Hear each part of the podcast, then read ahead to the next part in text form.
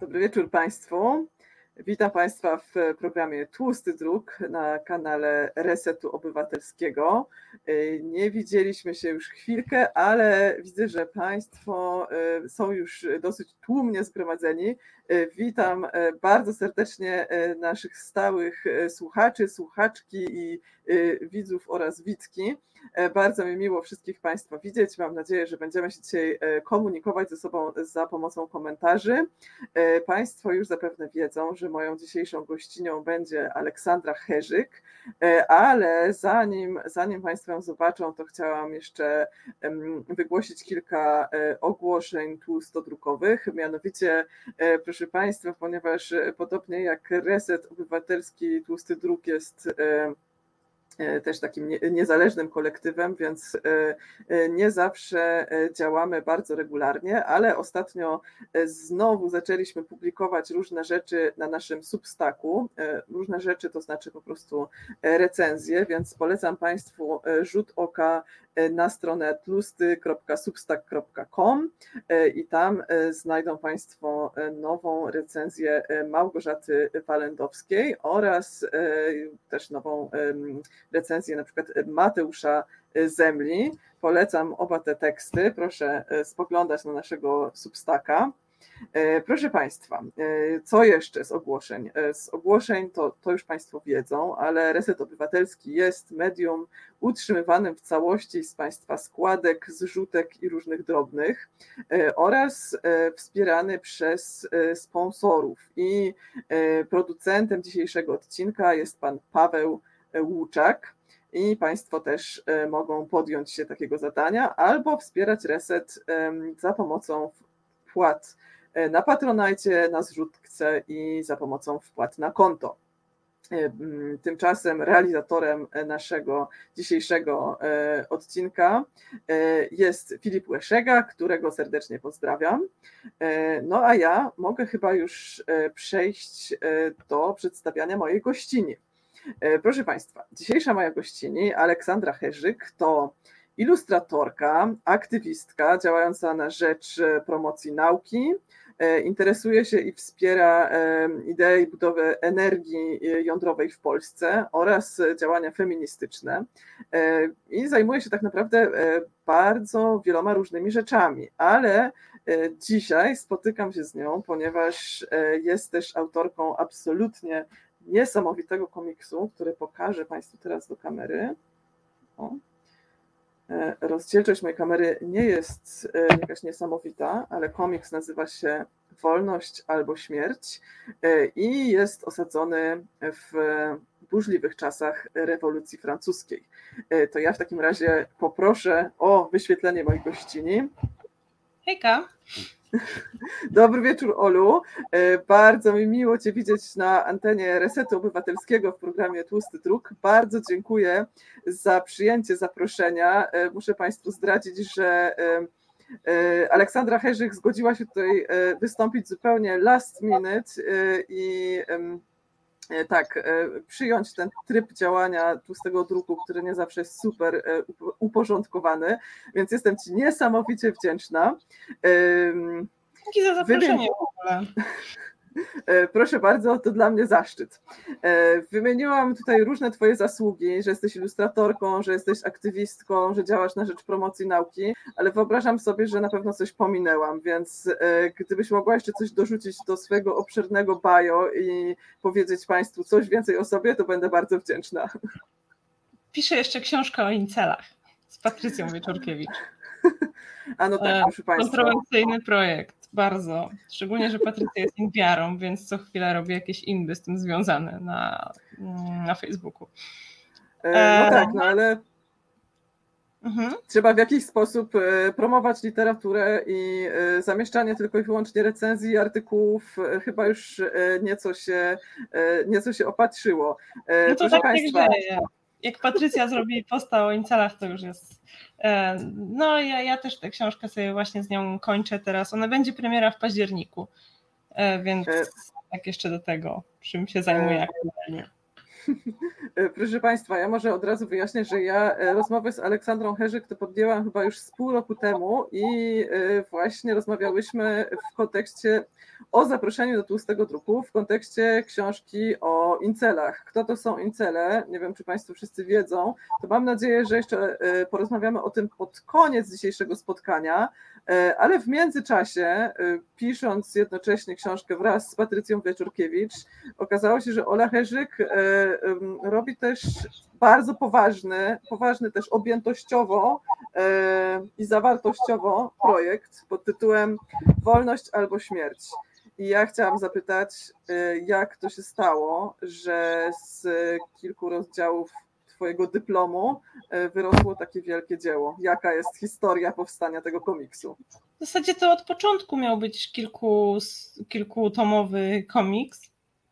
E, więc, więc zaczynałam rysować, po prostu podpięłam pod dyplom ten projekt, żeby nie robić, bo wtedy miałam na niego największą jednak, jak już e, złapałam zajawkę na ten projekt, to chciałam go robić i na dyplomie, więc mm, w sumie zastanawiam się, czy, czy to dobrze działa na, na rzecz tego komiksu, że napisałam, że to jest część pracy dyplomowej, bo tak naprawdę wtedy może się wydawać, że to nie jest ani historia przygodowa, tylko jakoś tak jakby to było rozciągnięte na siłę, a to nie było. Od początku była zaplanowana jako długa historia, tylko po prostu bardziej podpięłam ją pod dyplom, a nie rozwinęłam dyplom.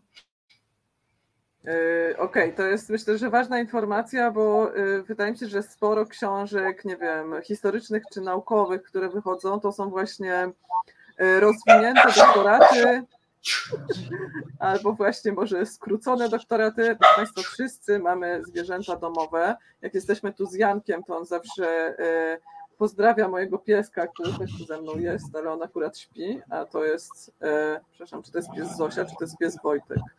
To jest Zosia, Wojtek tam to jest Zosia. chłopaka i też warczy. Okej.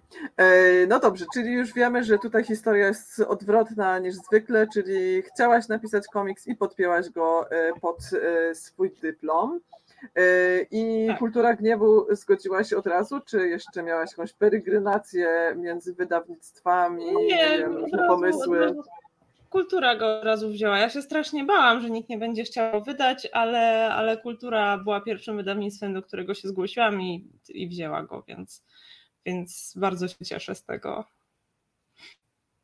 E, okej, okay, a padło tutaj takie słowo, powiedziałaś, że po prostu złapałaś zajawkę na ten temat. E, I e, co to znaczy? Zajawkę na ten temat, czyli historię rewolucji francuskiej, znaczy, czy. Mhm.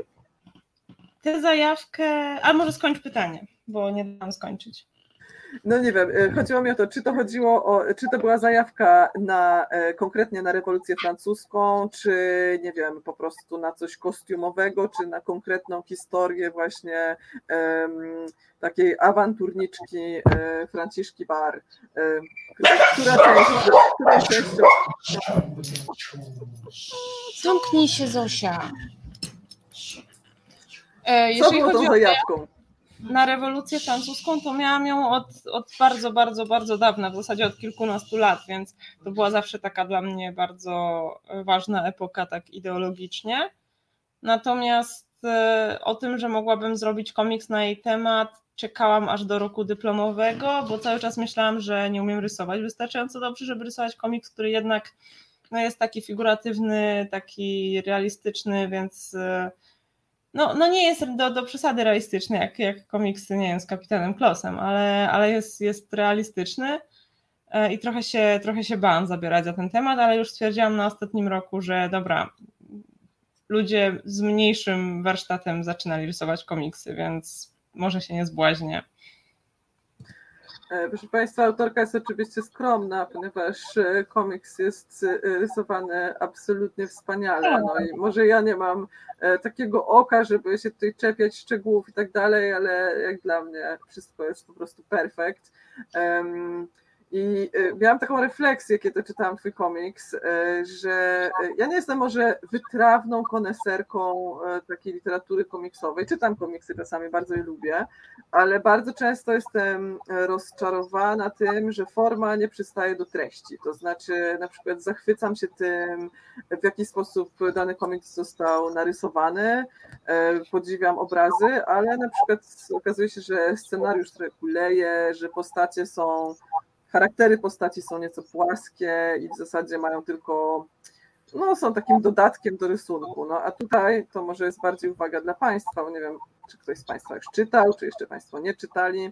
E, w każdym razie te postacie są, e, oprócz tego, że są z papieru, to są też z krwi i kości i ten scenariusz e, naprawdę wciąga i ma się ochotę po prostu czytać dalej i sięgnąć po kolejne tomy, które mam nadzieję powstaną. Powiedz mi, jak to jest? Interesuje mnie tutaj Twój warsztat i chciałam zapytać, co było pierwsze? Czy najpierw był scenariusz, czy najpierw były szkice? Jak to szło? W zasadzie to najpierw była, był taki zarys tego, jak, jaka stoi idea za tą historią i jak tym samym ona się skończy. E, więc o tym nie będę mówić, bo to by były spoilery, potężne bardzo. E, I później scenariusz powstał w takich, najpierw go spisałam w takich punktach, można powiedzieć, a klarował się coraz bardziej, e, tak jest każda konkretna scena, dialog to już e, potem on mi się klarował w trakcie.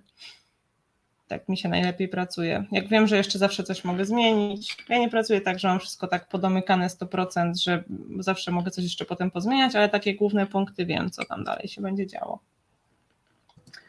Okej, okay. i y, czy liczyłaś y, w jakiś sposób, ile zajęła Ci praca nad komiksem? No, powiedziałaś, że fascynacja rewolucją francuską trwała już od kilku lat, y, natomiast nie wiem, czy jakoś prowadziłaś jakieś przeliczenia i obliczenia, jak było to?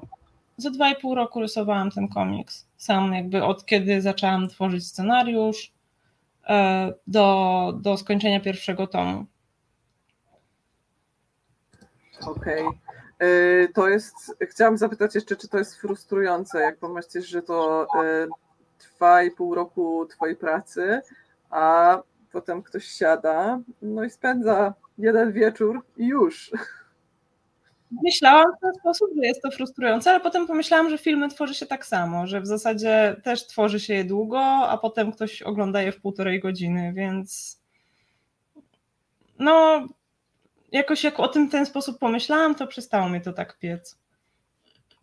Okej, okay, bo e, ja muszę powiedzieć, że jak właśnie pochylałam się nad e, kolejnymi stronami, to pomyślałam sobie, o Boże, to jednak jakby widziałam, ile tam jest pracy w każdej kresce i no i myślę, że też takiej pracy na różnych poziomach, tak, no bo mm, i dopracowane są stroje, kostiumy i wnętrza,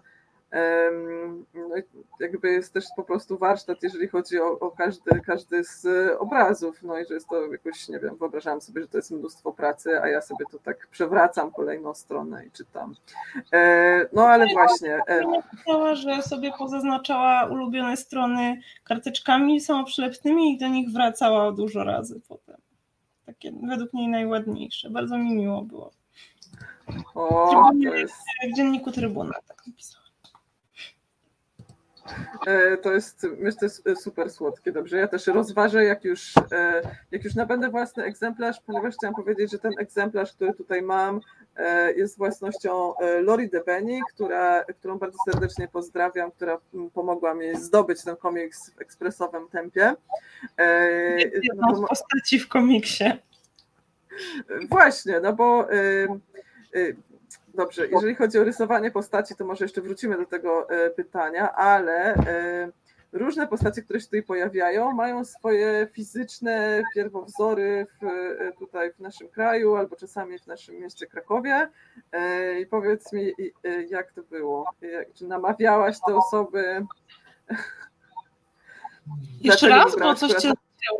Przepraszam. Tak... Mhm. Mm, y, w jaki sposób wybierałaś y, postacie, no jak rozumiem, swoich znajomych, y, które znalazły się w komiksie i jaka była ich reakcja na Twoją propozycję, żeby, się, żeby zostały sportretowane w komiksie? A myślę, że nikt nie był jakoś szczególnie zdziwiony, ale zdarzało się, że pisałam na przykład, żeby robili sobie zdjęcie w jakiejś, w jakiejś pozie, której potrzebowałam. Akurat ze znajomych to można tam zobaczyć parę osób, ze trzy myślę, może ze cztery. Gdzieś tam w tłumie dwie na pewno osoby się przewiną ze znajomych. E, podobno Franciszka wygląda jak ja, co jest nieplanowane. E, Natomiast jeżeli chodzi o Lori, to konkretnie chciałam, żeby ta postać właśnie, bardzo ta postać kojarzyła mi się z nią i chciałam zrobić, bardzo ją chciałam w tej roli, tak sobie wymyśliłam, że tak będzie i, i musiała się zgodzić. Jeszcze jest Katarzyna Paprota w miejscu, jednym jest e, tą, um, jest właścicielką domu publicznego, więc to ona też musiała sobie robić różne zdjęcia. No dobrze, ja y, nie musiałam się bawić w rozpoznawanie postaci, ponieważ y, śledzę Twojego Instagrama y, i generalnie Twoje media społecznościowe, więc były mi to znane fakty przed, przed lekturą, więc potem jak kartkowałam, to myślałam sobie, że a no dobrze, o jest, jest ta postać, której szukałam, e, ale e, szczerze mówiąc, ja byłam przekonana, że główna bohaterka, że Franciszka to jesteś Ty i ona też mnie bardzo, bardzo Ciebie przypomina. No i y, okej, okay, ale powiedz mi, jak no skoro mówisz, że to jednak nie jesteś ty, no to, to okej, okay, to wierzę, przyjmuję to. E, ale mam takie pytanie, no bo. Ona jest trochę moim takim alter ego, ale właśnie jest moim alter ego, ale nie planowałam, żeby wyglądała jak ja. A dużo osób tak sobie może to widzi, widzi w niej mnie, chociaż to jest dla mnie dość dziwne, bo ona ma. No nie wiem, nie wiem dlaczego Mam, dałam jej jedną cechę swojej twarzy, której nie lubiłam, żeby sobie ją jakoś tak znormalizować i polubić ją. I polubiłam ją dzięki temu, tę cechę swojej twarzy, e, ale nie wiedziałam, że ona będzie taka znacząca bardzo. Okej, okay, mamy tutaj pytania e, z komentarzy. E, pan Michał Lityński pyta, pytanko, czy już ktoś ogłosił, że wolność albo śmierć e, promuje komunizm, gender, unię, marksizm i że atakuje ona Polskę slash Polaków, Kościół, rodzinę, papieża i schabowego? Czy były takie reakcje? Nie, bo wolność albo śmierć starałam się, żeby, znaczy, no nie wiem, może nie, nie, nie spotkałam się jeszcze z taką reakcją. Możliwe, że te środowiska nie czytają po prostu mojego komiksu, e, ale też możliwe, że e, znaczy no ja staram się, żeby mm, starałam się bardzo, żeby wolność albo śmierć e, z powodów, których nie, nie mogę na razie wyjawić, żeby nie były wielkim spoilerem, nie była jakaś taka ostentacyjnie, nie przechylała się na żadną ze stron, można powiedzieć tutaj, żeby nikt tam nie był, tam nie są ani demonizowani konserwatyści. E, staram się, żeby nikt nie był tam zły. Nikt tam nie jest złą postacią, która ma na celu obrzydzić jakąś ideę, jakieś, jakieś stronnictwo czy coś takiego. Zakładam, że mm, no, że raczej każdy, kto chciałby przekonać do swojej jakiejś swojego punktu widzenia, to chciałby być przekonujący, a nie odrzucający, dlatego też właśnie na przykład najbardziej chyba konserwatywna postać w tym komiksie jest jedną z najbardziej jakby lubialnych też, Juliusz. E, więc, więc tak starałam się napisać te postaci.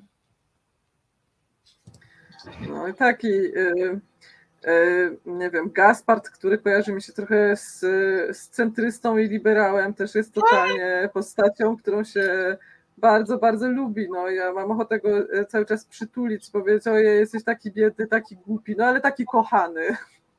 No właśnie, on miał być taką troszeczkę, może, może jego niektóre zachowania, które e, są czasami dość absurdalne, miały być trochę taką satyrą na właśnie osoby, które wszędzie chciałyby usiąść spokojnie, porozmawiać, e, które chciałyby, żeby wszystko się odbyło bez przemocy, no bo, no bo przecież, no, no, no zresztą jest, myślę, że są sceny, gdzie jest, jest to dość ostentacyjne, że, że on powiedzmy jest, byłby dobrym, dobrą postacią na czasy pokoju, o może tak, gdzieś tak powiedzmy e, jakby wprowadzał to w życie w innych latach, te wszystkie humanitarystyczne idee i tak dalej, to myślę, że lepiej by mu się funkcjonowało.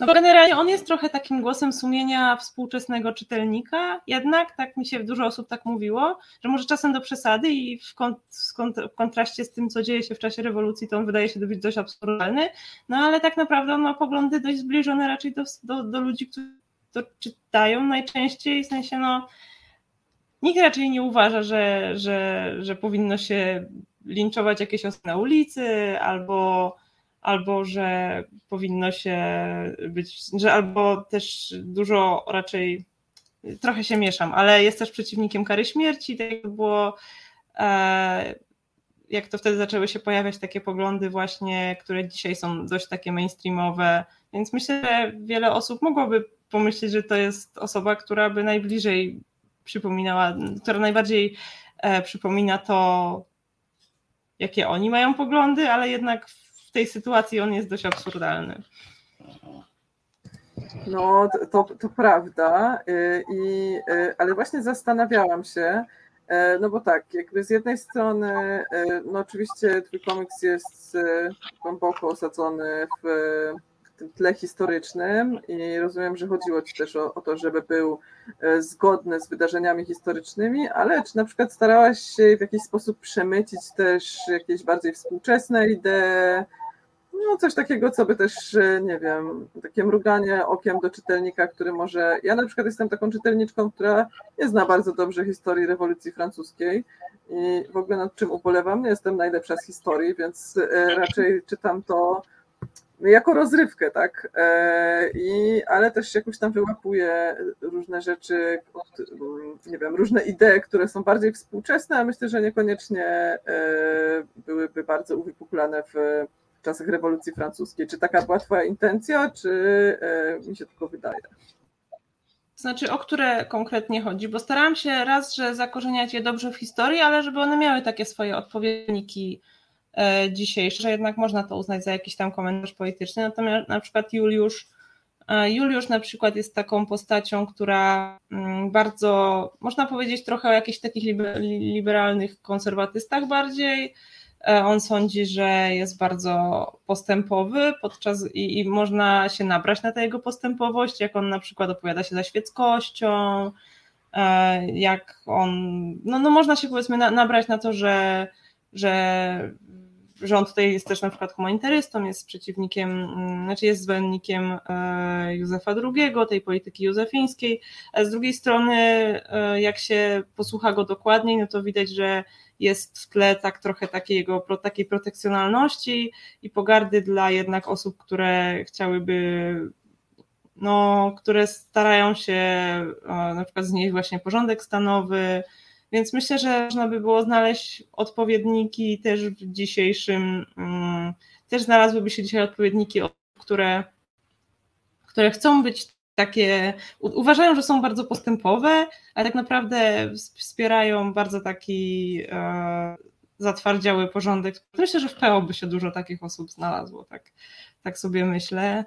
E, więc, więc jest tam bardzo dużo takiego komentarza, tylko nie jest on ani, ani trochę dosłowny. Też mm, też starałam się, żeby unaocznić to, że konflikt e, w czasie rewolucji to nie był tylko i wyłącznie konflikt pomiędzy starym a nowym porządkiem, to był też bardzo głęboki konflikt w łonie rewolucjonistów pomiędzy burżuazją e, a tymi warstwami ludowymi, które, które były o wiele bardziej radykalne mm, i których burżuazja się bardzo bała też.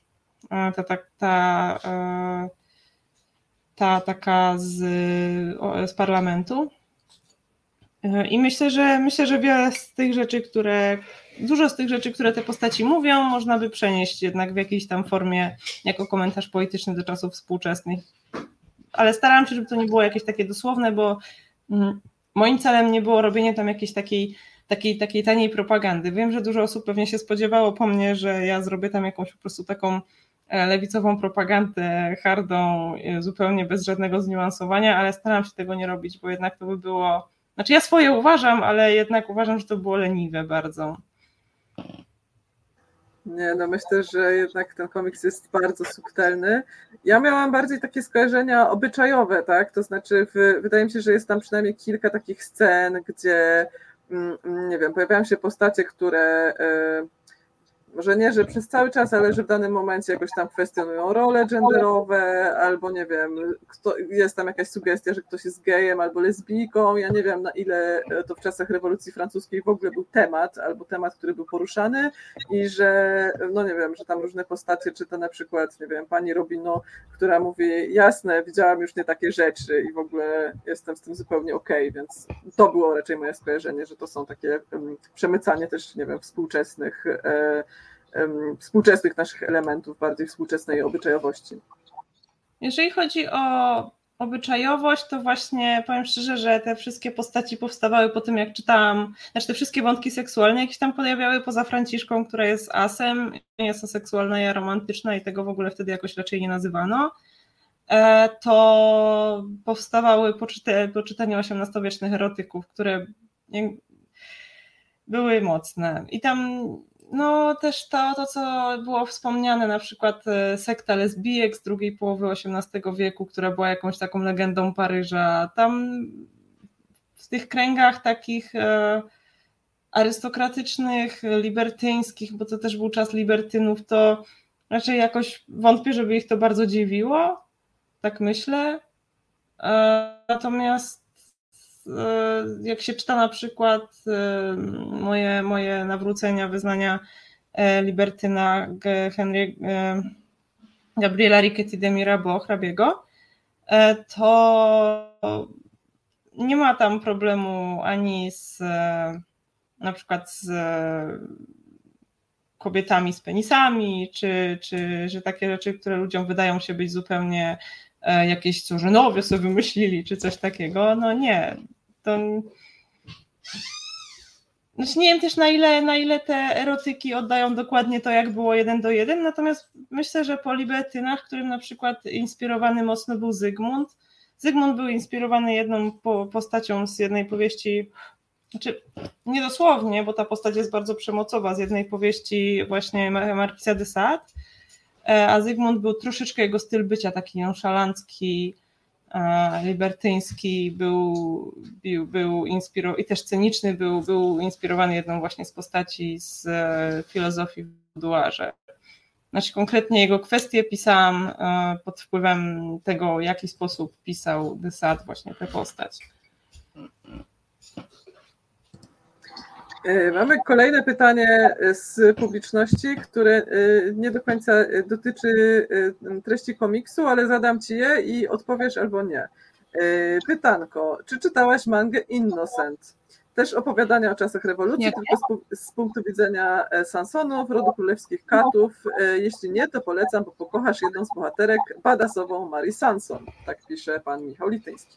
To nie czytałam, nie czytałam. E, słyszałam kiedyś o tym komiksie, ale nie czytałam. A kiedyś chcę nadrobić. No właśnie, ale wyobrażam sobie, że żeby się przygotować do pisania i rysowania, to musiałaś pewnie przeczytać wiele rzeczy. I czy możesz nam w takim razie coś e, polecić, jakieś lektury na temat rewolucji francuskiej, albo coś nawet. No bardzo e, dużo ich czytałam coś mi ucina co jakiś czas, ale e, jeżeli chodzi o to, co, mm, co czytałam, no to bardzo dużo i jeżeli chodzi o to, co mam do polecenia, no to oczywiście wszystko Baszkiewicza, bo jest super. 100 e, dni Robespiera, historię gilotyny. Jeżeli ktoś do, dotrze kiedyś do książki 8 spraw kryminalnych z okresu rewolucji francuskiej, to jest z XIX wieku książka E, która ma być dziennikiem Sansona, Kata Sansona wydany, wydanym przez jego wnuka. I on chyba teraz został zdigitalizowany, nie wiem kiedy, e, ale chyba można go gdzieś, gdzieś go można kupić w wersji e-bookowej. To jest super książka, e, bardzo przyjemna. Jest też taki, taki twórca, on nazywa się Thomson, ale on pisał w pierwszej połowie XX wieku, więc trudno jest zdobyć jego książkę. Jakby ktoś trafił kiedyś na Robespierre and the French Revolution, no to jest super. E, Ocet i łzy to też jest super książka. Mam też dość dużo takich pozycji, które są bardzo, bardzo stare. Na przykład mam z lat dwudziestych taką, taką książkę na temat Robespiera też. E, Piotra Kropotkina, e, historia, znaczy Piotra Kropotkina, Wielka rewolucja francuska też jest super. E, bo opowiada o takich mm, opowiada o rewolucji od strony takiej właśnie, o jakiej na ogół liberalni historycy nie opowiadają. Tam mocno e, się inspiruje takim e, Julesem Michelet. Właśnie Micheleta też mam teraz do poczytania pod kątem drugiego tomu. Będę go potrzebować mocno. A tylko jego trzeba chyba z zagranicy sprowadzać. Nie wiem, jak, jak ja go, do, nie pamiętam jak ja go kupiłam, ale chyba za granicą. Bo Mm, no wiem, że tam do niego było bardzo dużo przypisów. To jest też taki kultowy historyk, który się tym zajmował, tylko w Polsce trudny, trudny do zdobycia, dlatego, dlatego trochę mi to zajęło, zanim go mm, stałam. E, i, i, i, i, ale Kropotkin napisał bardzo, bardzo przyjemną książkę, która też odnosi się właśnie do tych walk pomiędzy, jak, pomiędzy parlamentem, burżuazją a ludem i tego, jak próbowano dojść do jakichś takich E, kompromisów, ale no w pewnym momencie ta walka zrobiła się bardzo, no bardzo krwawa, no bo Robespierre też represjonował te radykalne środowiska i hebertystów i e, też tych tak zwanych wściekłych, dookoło których gdzieś tam kręci się właśnie Clara Lacombe w moim komiksie. Ona w rzeczywistości chodziła nawet chyba z jednym, e, z jednym z jednym e, z działaczy ze wściekłych właśnie, bo Klara jest historyczną postacią. E, właśnie, bo to jest coś, o co e, nie zapytałam. No bo tak, część postaci jest, są to postacie historyczne, a część myślę, że takie, które musiałeś jakoś wymyślić dla dobra fabuły. Kto jest jeszcze postacią historyczną i dlaczego akurat te postaci? Tym tomie jest Klara, bo jest bardzo inspirującą bada z postacią historyczną, która istniała naprawdę. E, założyła Stowarzyszenie Rewolucyjnych Republikanek i, e, i naprawdę została postrzelona podczas szturmu na Tillery, ale wstała i walczyła dalej, więc dostała za to order od Jakobinów, więc to, które zresztą e, on potem Jakobini pozamykali te, te stronnictwa kobiece, bo burżuazja, I guess, po prostu nie ma co się za dużo po nich spodziewać. Za to lud, co ciekawe, był zawsze bardzo otwarty na, na udział kobiet w tej polityce takiej ulicznej, można powiedzieć, więc mm, a właśnie hamowała to tutaj ta burżuazja niestety, te ich zapędy. E, postacią, która jest historyczna, e, pojawia się tam postać, która jest historyczna, o której nie mogę powiedzieć, bo byłby to e, wielki spoiler, ale również postacią historyczną w jakimś tam stopniu jest pani Robino, naprawdę prowadziła dom publiczny, w którym faktycznie no, było to oczywiście takie miejsce, gdzie przychodziło dużo jakichś takich spiskowców i też bardzo dużo deputowanych um, konwentu i wcześniej tam legislatywy. E, I pani Robino, z tego pamiętam, nie, chyba jakaś, nie wiem, czy ona, czy jakaś inna właścicielka innego domu publicznego została aresztowana i po prostu pół parlamentu się wstawiło, że to jest wspaniała obywatelka, proszę tutaj ją wypuścić, bo trzeba, bo ona tutaj bardzo ważny przybytek prowadzi i ona nic złego nie robi, a tam wszyscy się spotykają, spiskowcy właśnie, jacyś kontrrewolucjoniści, czy no tam ślisko, właśnie takie śliskie miejsce. E, a jeszcze e, postacią, która można powiedzieć jest po części historyczna, bo była naprawdę taka postać jak Zygmunt Frey. On się faktycznie trzymał wśród, e, on się trzymał z dantonistami, on, on, on, on miał tak naprawdę, on nazywał się w rzeczywistości Moses Dobruszka, ale on zmienił, on porzucił właśnie, przyjął katolicyzm, porzucił religię, właśnie porzucił judaizm i, prze, i on prze, e, w Paryżu zmienił nazwisko na Zygmunt Frey, dołączył do Jakobinów, był bankierem i z dużym prawdopodobieństwem był też agentem Wiednia, więc, e, więc z tą postacią też tutaj trochę sobie po, no wzięłam sobie, można powiedzieć, tę postać i ją wykorzystałam w komiksie na swoją interpretację. No i jeżeli chodzi. Cisza! Jeżeli chodzi o więcej historycznych postaci, to pojawią się jeszcze, ale na razie, na razie ich nie ma. Rozumiem. E, I e, jeszcze w takim razie, bo e, dobrze, pytałam, co czytałaś, i lista była długa. Pewnie powinniśmy zrobić taką listę, którą później opublikujemy, dodatkowych lektur i przypisów, ale mnie jeszcze interesuje mm, Twój warsztat graficzny. E, czy mogłabyś trochę opowiedzieć o tym, jak się e, rysuje komiks? E, mnie to szczerze mówiąc chyba najbardziej interesuje, w jaki sposób się rysuje postacie i w jaki sposób się rysuje architekturę. Czy mogłabyś o tym trochę opowiedzieć?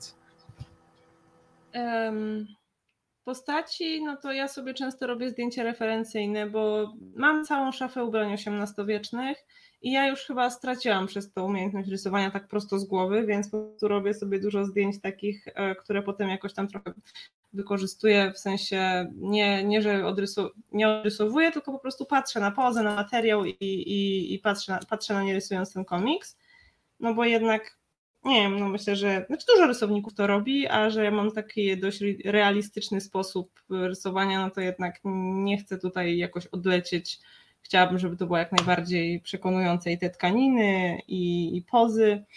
Natomiast jeżeli chodzi o architekturę, no to w większości budynków, które pojawiają się raz czy dwa, to e, większość tych rzeczy po prostu rysuję sobie od podstaw na siatce, którą sobie rozrysowuję, taką trzypunktową. I no trochę to zajmuje, czasami naprawdę parę dni jeden kadr, bo e, na przykład jest tam taki kadr chyba nie pamiętam na której stronie, ale jest taki kadr, jak się kończy, jak się kończy trze, trzeci roz, jak się kończy trzeci, jak się kończy drugi rozdział, jak się zaczyna trzeci, to tam jest taki kadr, gdzie jest taki budynek yy, i dużo osób mnie podejrzewało, że to jest 3D zrobione, ale yy, i ktoś nawet chyba jakiś taki miał zarzut, że to jest 3D.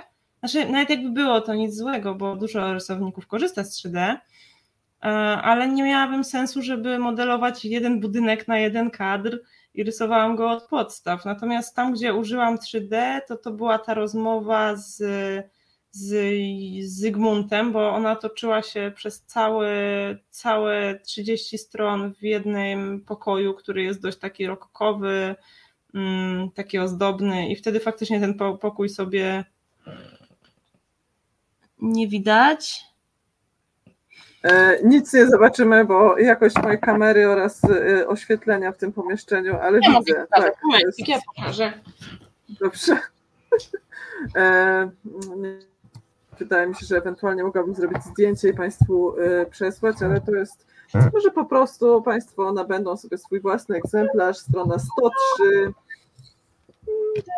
Rysowałam tak. tak długo.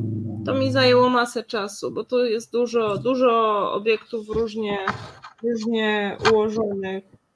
Nie, niekoniecznie one są ułożone tak równo nawet, więc musiałam dużo różnych linii tam sobie rysować pomocniczych, mhm. ale, ale też e, ale w jednym miejscu się wspomogłam 3D i był to właśnie rozmowa w pokoju z Zygmuntem, bo tam faktycznie było dużo mebli bardzo ozdobnych i jakbym ją miała rysować tak cały czas e, za każdym razem konstruować ten pokój od początku, to by mi to zajęło chyba, ta sama scena by mi zajęła tak dużo czasu, żebym nie zdążyła na czas, więc czasem tak sobie e, czasem można sobie pomóc trochę z perspektywą właśnie przy, przy jak się umie 3D, ja się to, że nauczyłam się y, obsługiwać na jakimś tam podstawowym poziomie Blendera, to była było coś super, naprawdę, bo pracuję ogólnie w branży gier, więc, więc to był zawsze jakiś tam feature, który, który chciałam poznać i wow, bardzo pomaga i bardzo przyspiesza, jeżeli mamy właśnie scenę, która ciągnie się na bardzo wiele um, która się ciągnie na bardzo wiele stron i jest po co dla niej wymodelować jakąś przestrzeń, bo tak na ogół to nie ma, bo powiedzmy jak tam mam narysować parę kadrów w jakimś miejscu, to dłużej by mi zajęło modelowanie go niż rysowanie, ale na czasem sobie można pomóc. E, jeszcze chciałam zapytać, jakiego oprogramowania używałaś do 3D, ale już wiem, że Blendera. E, ja jestem e, właśnie na początku mojej przygody z Blenderem i to na takim bardzo, bardzo początku i bardzo chciałabym się nauczyć trochę modelować w 3D.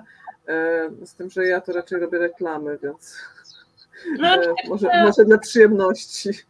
Ja nie umiem za bardzo, ja nie umiem organicznych rzeczy modelować, ale Ale architektura to jest spoko sprawa, dość prosta tam. Ale na przykład też tą, yy, ale też na przykład tą yy, Notre Dame yy, rysowałam mm, też od podstaw sama konstruowałam. Swoją drogą mam tu błąd historyczny, ponieważ Iglica dokładnie te lata 1780 do 1800 coś to były te lata, kiedy była przerwa w jej istnieniu. I się wkurzyłam, jak się o tym dowiedziałam. Ale już trudno. E, to Państwo, którzy są bardzo uważni i ci, którzy uwielbiają szukać dziury w całym, e, mogą pewnie śledzić e, nieścisłości historyczne. Jeszcze, jedno, jeszcze jedną mogą znaleźć, taką literówkę historyczną, można powiedzieć, ale nie będę mówić gdzie, bo wstyd mi. No to jest zagadka. No tak, no ale wyobrażam sobie, że jak powiedziałeś, że masz całą szafę strojów z XVIII wieku, skąd się bierze takie stroje? Od rekonstruktorów historycznych Mam dużo, poznałam rekonstruktorów historycznych, którzy robią rekonstrukcję drugiej połowy XVIII wieku i mam mnóstwo ubrań, czy właśnie jakichś, e, czy z lat 50., 60., 70. Fajny gorset mam mm, z lat 70., który nawet noszę sobie czasem. I rekonstruktorzy po prostu jak zaczynają robić rekonstrukcję, oni powiedzmy siedzą, ci, których znam już wiele lat, siedzą w tym środowisku, ale mają na przykład zachowane ubrania, które robili na samym początku, które są historycznie poprawne, e, bo tam, bo oni są faktycznie trzymają dość wysoki poziom w tych osiemnastkowych grupach, ale na przykład mają domieszkę poliestru. Więc jak już się parę lat siedzi w reko, no to już nie wypada się pokazać w takim ciuchu, który ma domieszkę poliestru, bo tam wezmą nitkę, podpalą, stwierdzą, że plastik. I się i to po prostu to będzie skandal, więc, więc, e, więc wtedy oni mi je po prostu pooddawali. Ja jeszcze przeczytam Ci dwa komentarze od pana Michała Lityńskiego, mianowicie jeden, że w filmowym Ogniu i Mieczem Polacy maszerują z karabinami z XX wieku, więc luz, zdarza się każdemu. No myślę, że to zdecydowanie nie jest w ogóle kaliber błędu, na który mogłabyś sobie po pozwolić. Tak sobie wyobrażam. E, I drugi jeszcze komentarz. E, podziwiam Cię, bo w pisanej przeze mnie książce prawicowców i księży uczyniłem z wolami, ale wybaczam sobie, bo moja seria to odpuszczający akcyjniak. E, ja staram się, ja się, ja miałam na początku myśl, że konserwa, ultrakonserwatysta powinien być złolem, ale potem pomyślałam, że to byłoby łatwe i uznałam, że to trochę leniwe, chociaż to też jest w sumie komiks teorii z akcją, chociaż niektórzy mi zarzucają, że jest jej za mało względem rozmowy, ale ja lubię pisać dialogi, więc no jak mi się to nie podoba, no to widać, to nie jest komiks dla nich, chociaż ogólnie recenzje zbiera bardzo dobre. Mm, spodziewałam się, że będą wszystkie, że bardzo przegadane, a okazuje się, że nawet ludziom się podobają te moje dialogi. No ja przeczytałam, że to y, jakąś recenzję o tym, że to wykład historyczny, ale nie zgadzam się z tym. Myślę, że akcja jest y, naprawdę wartka. Właśnie mam Ale... wrażenie, że niektórzy nie lubią historii po prostu i nie da się pogadać o historii albo o polityce tak, żeby to tak nie brzmiało dla nich. No, no nie wiem, no jakby ktoś powiedzmy zrobił mi komiks o czymś, co mnie kompletnie nie interesuje, po prostu jest, jest dziedziną, która jest strasznie nudna, to choćby prowadzili na ten temat lajtową rozmowę, nie wiem, o jakiejś budowie łożysk samochodowych, to nawet jakby prowadzili nową rozmowę na ten temat, to ja bym uznała, że to jest strasznie nudne, więc um, więc no tak, tak. tak. Można to tak skomentować zdecydowanie. E, Olu, e, mamy 10 minut do końca programu, więc e, mam dwa pytania. Jedno pytanie brzmi tak, jest to tom pierwszy na ile tomów będzie rozpisana ta historia i ile Trzy. ci to jeszcze zajmie? Trzy i następny zaczynam rysować, jak tylko skończę książkę o celach, daję sobie ze dwa lata. Okej, okay. no czyli wszystko jest już rozpisane. Mówiłaś, że wcale, że nie lubisz mieć takiego scenariusza tip-top, ale y, widzę, no, że tutaj... Nie, ale sceny mam, muszę je podopracowywać, wiem jak się skończy, ogólnie wiem jak się skończy całość i wiem w którym momencie skończy drugi tom. Więc myślę, że myślę, że no wystarczająco mam takich jakby kluczowych punktów, tylko muszę je dobrze powijać, popisać i popisać sobie moje ulubione dialogi. Ja zawsze po prostu rozpisuję te dialogi na wiele, wiele stron i potem muszę z nich dużo wycinać. E, mam też jakby stworzone więcej fabuły niż jestem w stanie w komiksie zmieścić, bo na przykład po prostu całą historię traumy Franciszki z więzienia, ja wiem co tam się działo, e, dlaczego ona jest jaka jest, ale no tego wszystkiego po prostu nie zmieszczę. E, więc mam więcej materiału niż, niż, niż zdołam narysować. Myślę, że też nikogo by to nie interesowało w takich detalach, ale mam backstories do, do bardzo wielu rzeczy. No właśnie, bo może jeszcze potem e, oprócz tych trzech tomów e, mogą e, powstawać, Boże, jak to się nazywa? No. Produkcje takie, które są poboczne. Właśnie, dobrze, brakowało mi, brakowało mi słowa. No to wspaniale. E, ja szczerze mówiąc e, i sobie i wszystkim bym życzyła Twojego ogaru po prostu e, i tego, jak masz wspaniale zaplanowaną przyszłość. No dobra, to słuchaj, przeskoczmy w takim razie na temat Inceli, czyli na temat, od którego w ogóle się zaczęła nasza rozmowa o spotkaniu tutaj. Mm, najpierw ja nie jestem pewna, czy wszyscy wiedzą, kto to są Incele, więc dwa słowa definicji poproszę. A to już jest skomplikowane, bo ja z Patrycją definiujemy jako inceli osoby, którzy siedzą na forach powiązanych z incelosferą, blackpillowych tak zwanych, które wyznają pewną konkretną filozofię, można powiedzieć, życia, która jest bardzo taka depresyjna e, i jest powiązana z całą serią przekonań, która jest bardzo powszechna w manosferze, ale jeszcze do tego ma taką, jakby do tego jeszcze jest bardzo depresyjna, i zakłada, że nie ma w ogóle po co się starać. E, I określają się jako incele. Mm, I identyfikują się jako incele. E, natomiast no dlatego myślę, że my taką mamy definicję o wiele bardziej konkretną, bo, nie, bo często bywa tak, że ludzie kogoś, nie wiem, ktoś tam z manosfery powiedzmy tej, czyli takiej społeczności luźno powiązanych ze sobą męskich blogów, którzy wyznają tak zwaną filozofię red pillu, mm, i czasem incelem nazywa się każdego, kto użyje tego slangu, kto gdzieś tam powie, że kobiety to jakieś, e, nie wiem, femoidy, czy jakoś tam nazwie nazwie kobiety jakoś tam charakterystycznym słowem z tego slangu, albo pewną teorię jakąś powtórzy o tym, że e, kobiety chcą czadów, bo są hipergamiczne, no i wtedy już wszyscy mówią incele, a incele są konkretną podgrupą manosfery, a jeszcze sami incele sądzą, że żeby być incelem, to trzeba być prawikiem, bo inaczej to nie ma żadnego sensu. To by miało, to by miało nawet sens patrząc na tą całą filozofię inceli, e, według której mężczyzna, y, który jest incelem, tak naprawdę nie ma szans u kobiet, romantycznego powodzenia u kobiet. Nie ma szans, ponieważ ma taki ryj, że po prostu nie ma, że widać po tym, że ma całkiem skopane geny. I w tej sytuacji myślę, że uzasadnionym jest traktować y, y, jednak jeszcze zawęzić te definicje do kogoś, kto nie tylko udziela się na tych forach, ale też y, nie miał nigdy stosunków seksualnych. E, I to przez całe życie, bo, mm, no bo jeżeli ma nie mieć szans, to ma nie mieć szans, bo prawdziwy incel to jest taki, co nie ma szans. Bo według tej teorii prawdziwy incel jest po prostu na samym dole drabiny genetycznej i, i nie ma szans znaleźć tej kobiety, bo kobieta szuka dobrych genów. Y, ja już y, mam jedną nauczkę, mianowicie jak będę się z Tobą tutaj spotykać, żeby y, rozmawiać o książce o incelach, to najpierw przygotuję słowniczek, który zostanie wklejony tutaj w komentarze i tam się dowiemy, co to jest manosfera, co to jest black pill, co to jest red pill. Ja doczytywałam w internecie, bo wcale to nie było dla mnie oczywiste.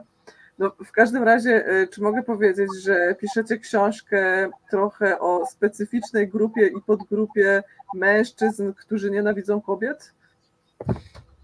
Myślę, że no mężczyzn. My piszemy w ogóle książkę e, o hashtagu przegryw, więc my jeszcze, jeszcze czasami on wychodzi. On jest powiązany z incelami, z manosferą, e, ale myślę, że w pierwszej kolejności. Oczywiście mizoginia na forach inceli jest koszmarna, natomiast tam często trafiają też osoby, które po prostu są bardzo zgubione, naszym zdaniem. To znaczy, tak jak pisał Michael Kimmel w swojej książce o na przykład ruchach ekstremistycznych, osoby, które tam idą do tych ruchów, na ogół one dopiero nabywają tych niechęci, tej na przykład nienawiści do kobiet, czy w przypadku innych ruchów ekstremistycznych do mniejszości, do kogoś, już będąc tam. A do samego ruchu przyciąga ich coś innego, jakaś obietnica jakiejś wspólnoty, jakiegoś zrozumienia. I oni idą tam jako, jako no, no, no osoby, które w jakimś tam stopniu może są społecznie zmarginalizowane, chcą, mm, chcą znaleźć kogoś podobnego E, i przez przejmującą taką dominującą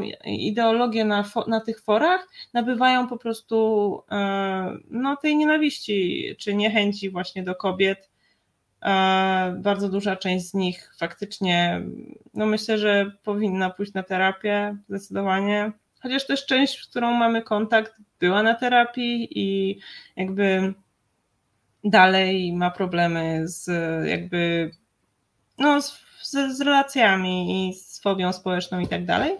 Natomiast e, tak jak Kimmel, tak jak myślę, że ważne jest to, co Kimmel właśnie pisał, że raczej według niego nikt w takie powiedzmy ruchy, które mają w ogóle jakiś taki potencjał nawet ekstremistyczny, nie pcha się sam z nienawiści do kogoś, tylko dopiero jej tam nabywa, jak się mu przedstawi odpowiednio dużo jakichś dziwnych teorii, według których te, to są te osoby, które należy winić, a idą tam raczej poszukując właśnie zrozumienia i wspólnoty. Jak dla mnie brzmi to bardzo, bardzo ciekawie, więc y, mam nadzieję, że spotkamy się już wkrótce, żeby porozmawiać o tej książce. Mówiłaś, że wychodzi ona w październiku. W październiku w wydawnictwie? Tak. Dobrze. No to e, słuchaj, czy zgodzisz się przyjąć zaproszenie e, w październiku, żeby porozmawiać o hashtagu przegryw? No pewnie. Pewnie, bardzo chętnie. Może z Patrycją przyjdziemy, bo my jesteśmy tam duetem. E, oczywiście e, testowałyśmy tutaj w tłustym druku e, różne konfiguracje. Raz miałam tutaj chyba aż sześć gościn i wszystkie się zmieściłyśmy w kadrze, więc no dobrze, nie była to może taka super dynamiczna rozmowa i trzeba było sobie ustępować miejsca, ale myślę, że w trzy osoby na pewno świetnie sobie poradzimy. No tak, a dzisiaj już myślę, że będziemy kończyć nasz wieczór. Ja chciałam tylko jeszcze, co chciałam?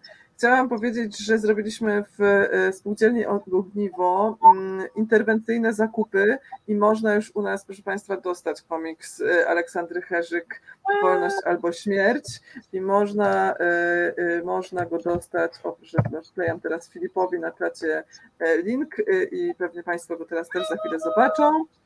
E, więc e, będą mogli Państwo nabyć tę książkę zarówno w Krakowie przy ulicy Smolki 11a, jak i w internecie, e, ale też można kupić oczywiście w sklepie Kultury Gniewu albo w Państwa lokalnym sklepie z komiksami.